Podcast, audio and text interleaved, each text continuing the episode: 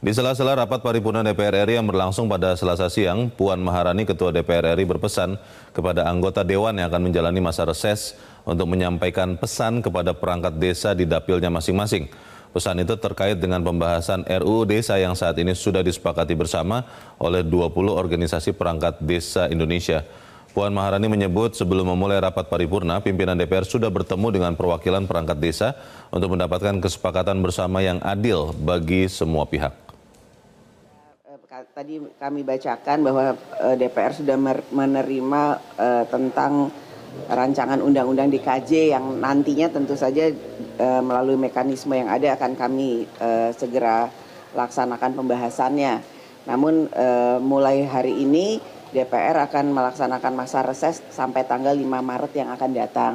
Dan perlu saya sampaikan bahwa tadi pagi pimpinan DPR, saya dan Pak Dasko mewakili pimpinan DPR yang lain sudah menerima perwakilan dari 21 uh, eh, organisasi perangkat desa yang menyatakan aspirasinya dan menyepakati serta menyetujui bersama untuk saling menghargai dan menghormati bahwa proses pembahasan uh, revisi undang-undang desa yang tadi malam sudah dilakukan antara DPR melalui balik dengan pemerintah sudah me, me, me, menyepakati satu kesepakatan substansi yang nantinya akan dibahas kembali sesuai dengan mekanismenya.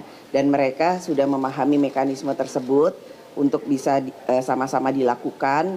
Kemudian akan eh, sama-sama menghargai dan menghormati bahwa mekanisme ini penting untuk segera dan sama-sama dilakukan sehingga kalau nanti sudah kemudian selesai pembahasan revisi undang-undang desa ini memang kemudian uh, bisa segera uh, dilaksanakan di lapangan, tidak ada yang menyu, yang mer, apa JR ke MK atau kemudian dibatalkan, namun memang bisa bermanfaat bagi desa, bagi masyarakat desa dan tentu saja seluruh perangkat desa yang ada. Jelajahi cara baru mendapatkan informasi. Download Metro TV Extend sekarang.